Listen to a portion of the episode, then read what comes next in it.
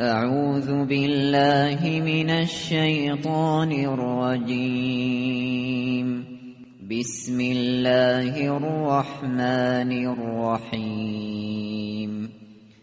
والعصر. به نام خداوند بخشنده بخشایشگر.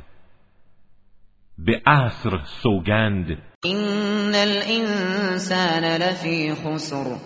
که انسانها همه در زیانند. إلا الذين آمنوا وعملوا الصالحات وتواصوا بالحق وتواصوا بالصبر.